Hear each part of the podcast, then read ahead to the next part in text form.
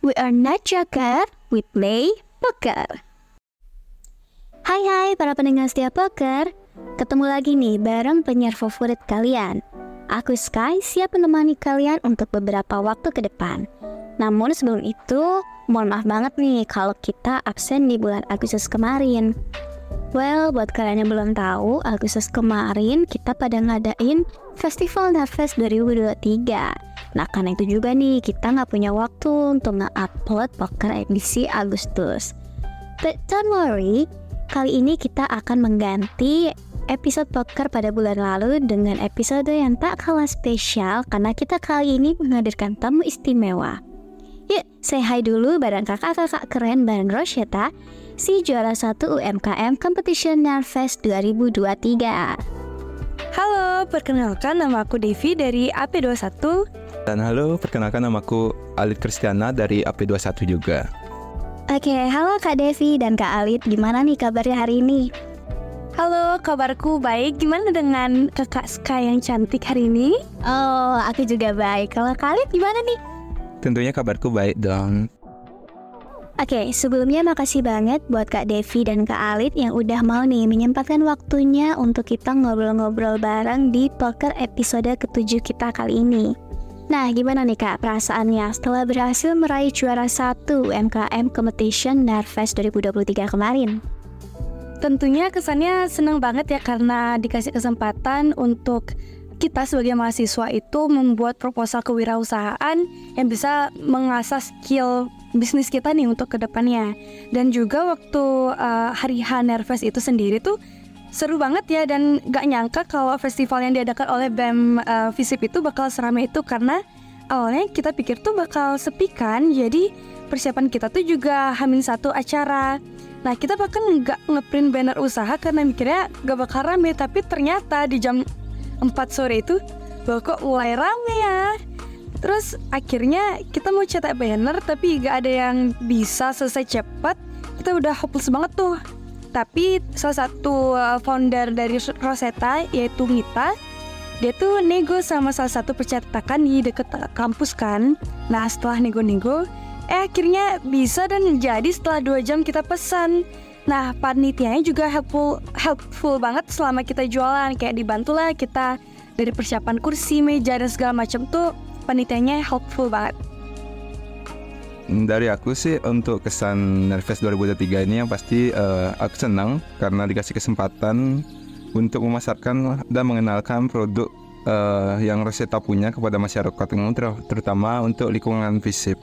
Nah, uh, dan juga uh, yang aku rasain itu pastinya bangga karena bisa diapresiasi oleh pihak Nerfest sendiri sebagai juara satu proposal UMKM di mana uh, dengan apresiasi yang diberikan oleh Nerves sendiri itu menjadi pemecut bagi kami tim Rosetta untuk terus menghasilkan produk-produk yang berkualitas ke depannya.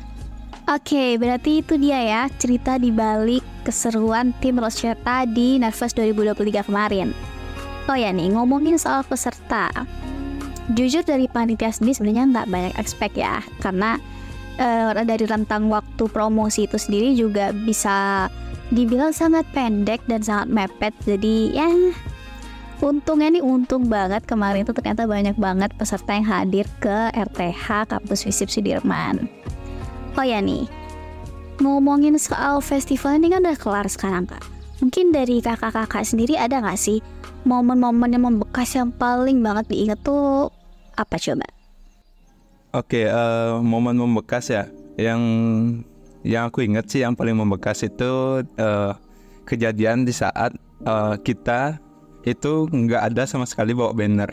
Sedangkan ngelihat kayak tenan lain itu full isi hiasan banner isi uh, hiasan-hiasan segala macam lah. Sedangkan uh, tim kami itu cuman membawa papan yang isi tulisan menu saja.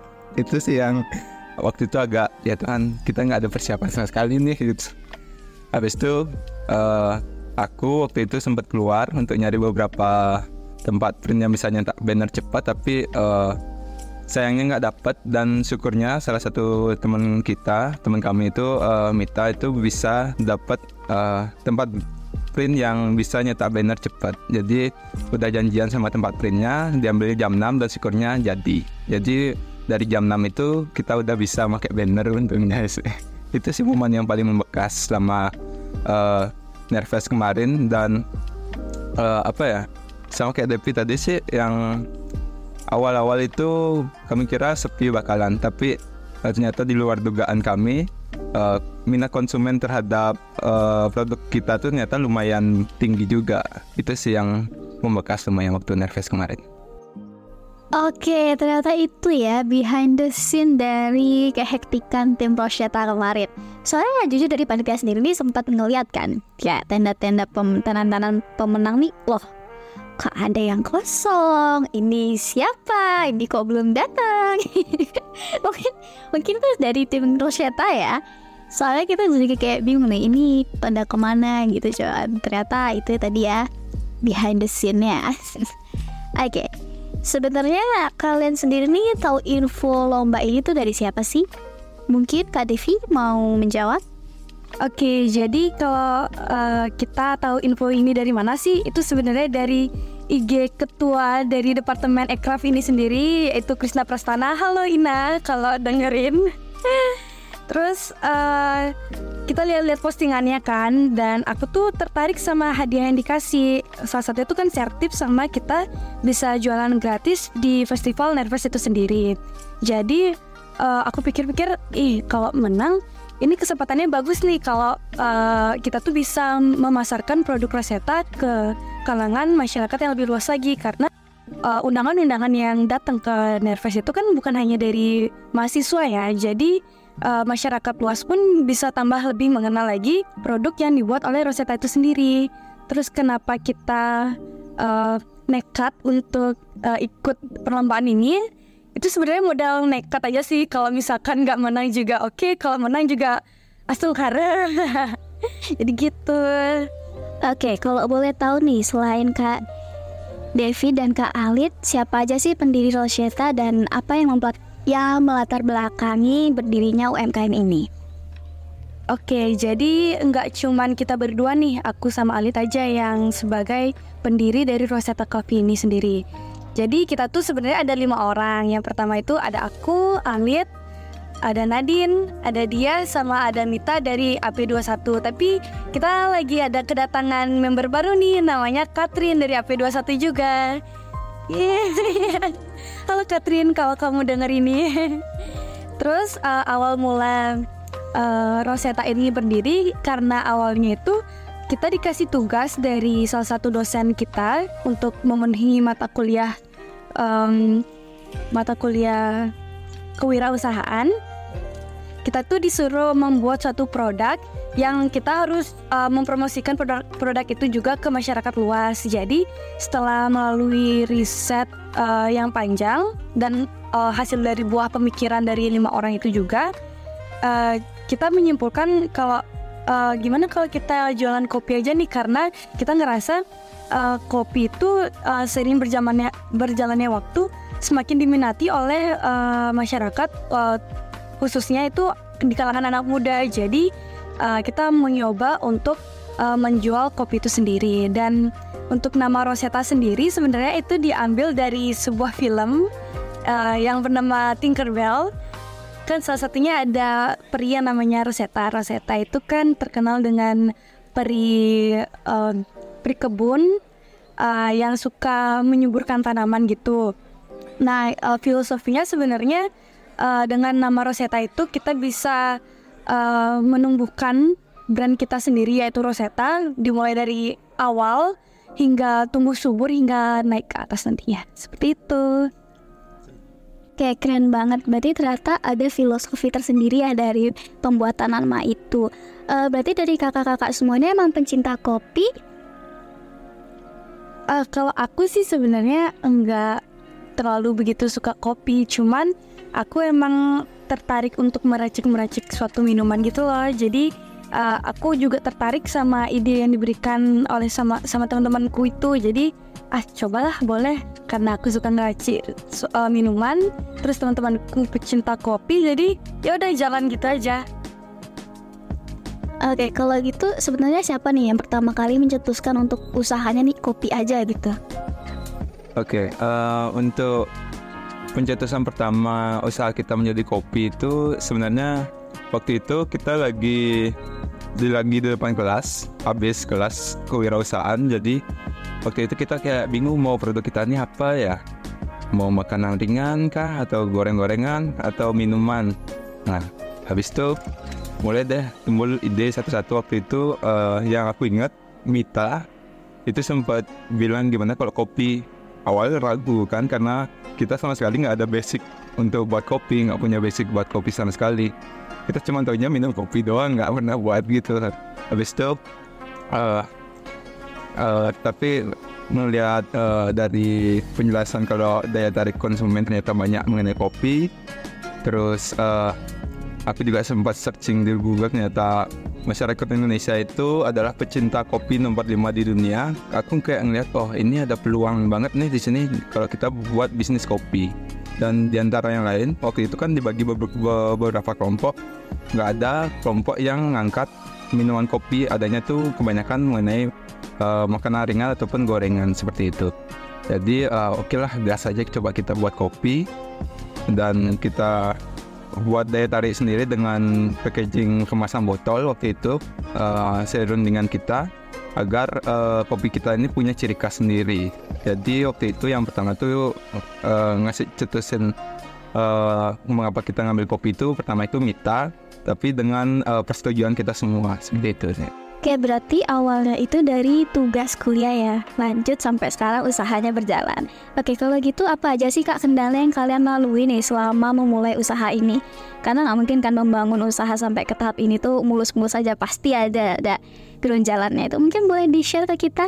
Uh, mungkin dari yang aku rasain pribadi aja ya. Mungkin setiap orang di tim Roceta ini punya rasa kendalanya masing-masing.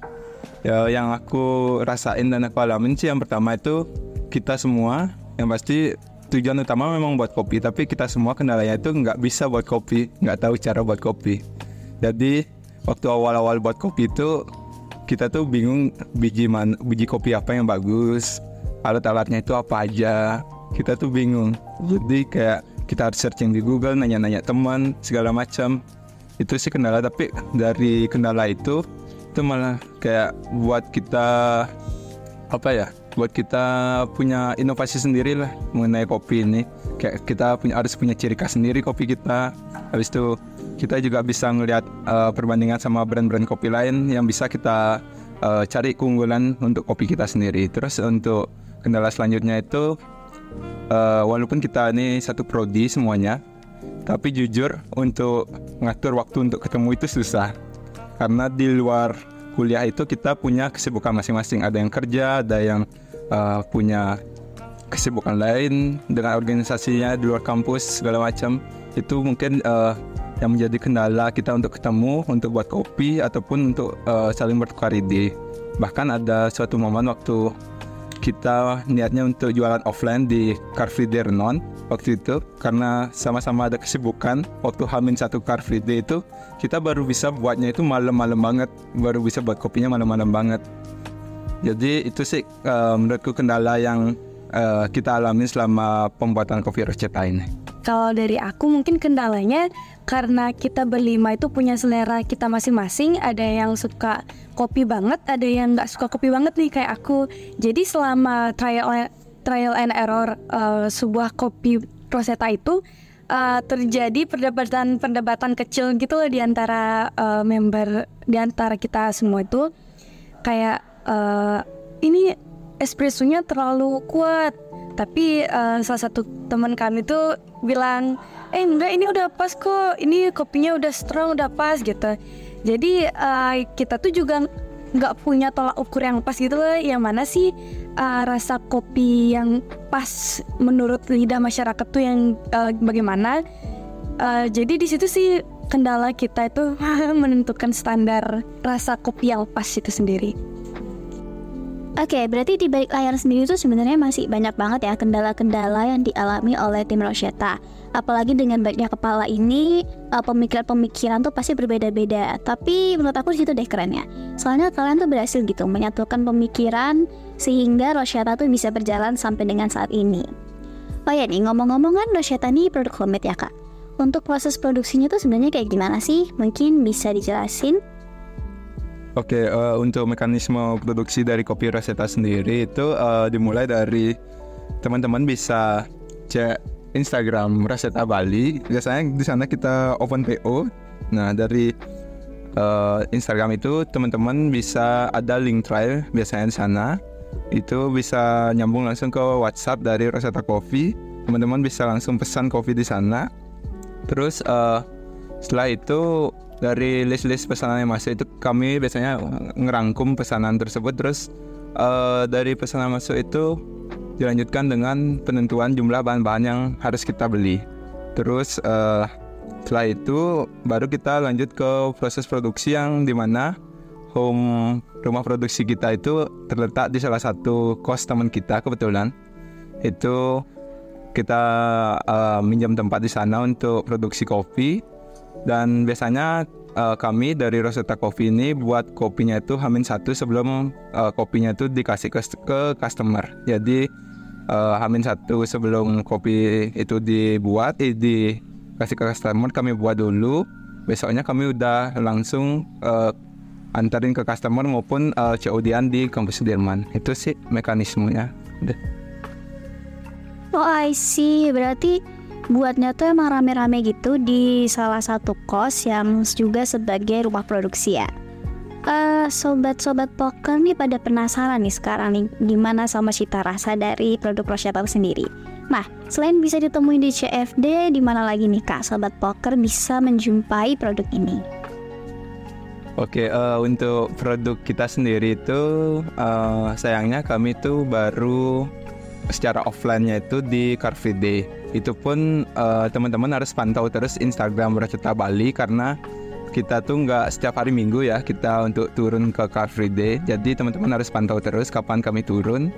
Terus untuk yang benar-benar mau uh, kopi Rochetta ini teman-teman bisa langsung pesan secara online ada di Instagramnya teman-teman bisa DM atau enggak ada nomor WhatsAppnya juga bisa langsung dipesan lewat sana jadi untuk pemesanan kopi Rosetta ini untuk offline-nya ada di Car Free Day, cuman harus pantau terus Instagram kami. Tapi untuk yang uh, mau secara online juga bisa lewat WhatsApp maupun DM Instagram.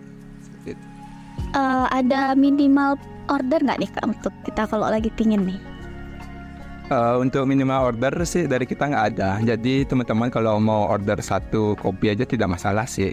Jadi kami nggak ada membatasi harus berapa orderan karena yang penting teman-teman bisa nyicipin kopi yang kami buat, kami buat setulus hati dan teman-teman bisa nikmatin kopi yang enak dan berkualitas tinggi. Sih. Kalau gitu ada nggak nih kak menu rekomendasi nih dari Rosetta sendiri?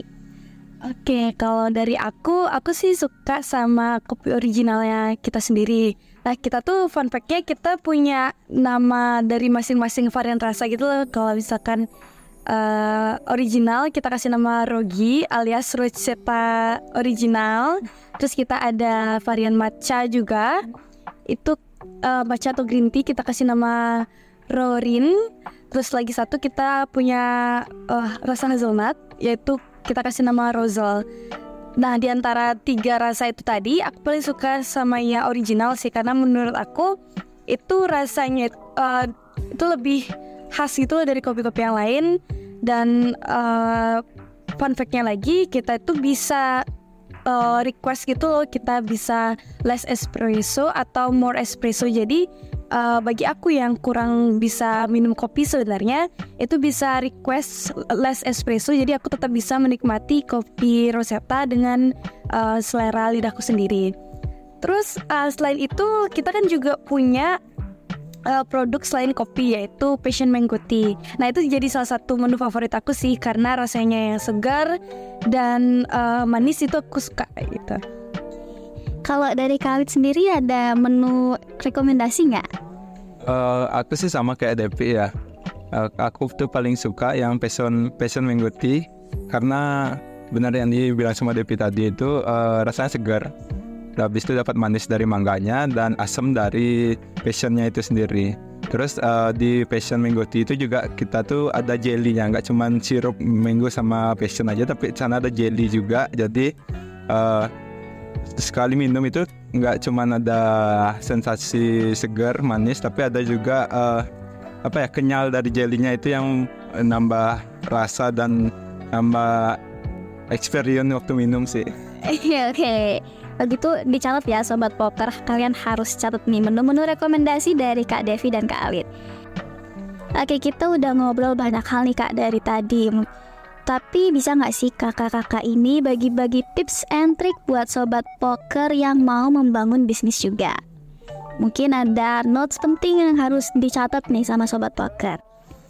Oke, uh, untuk teman-teman yang mau mulai usaha mungkin uh, tips and trick dari aku yang pertama untuk teman-teman yang mau usaha bareng teman-temannya.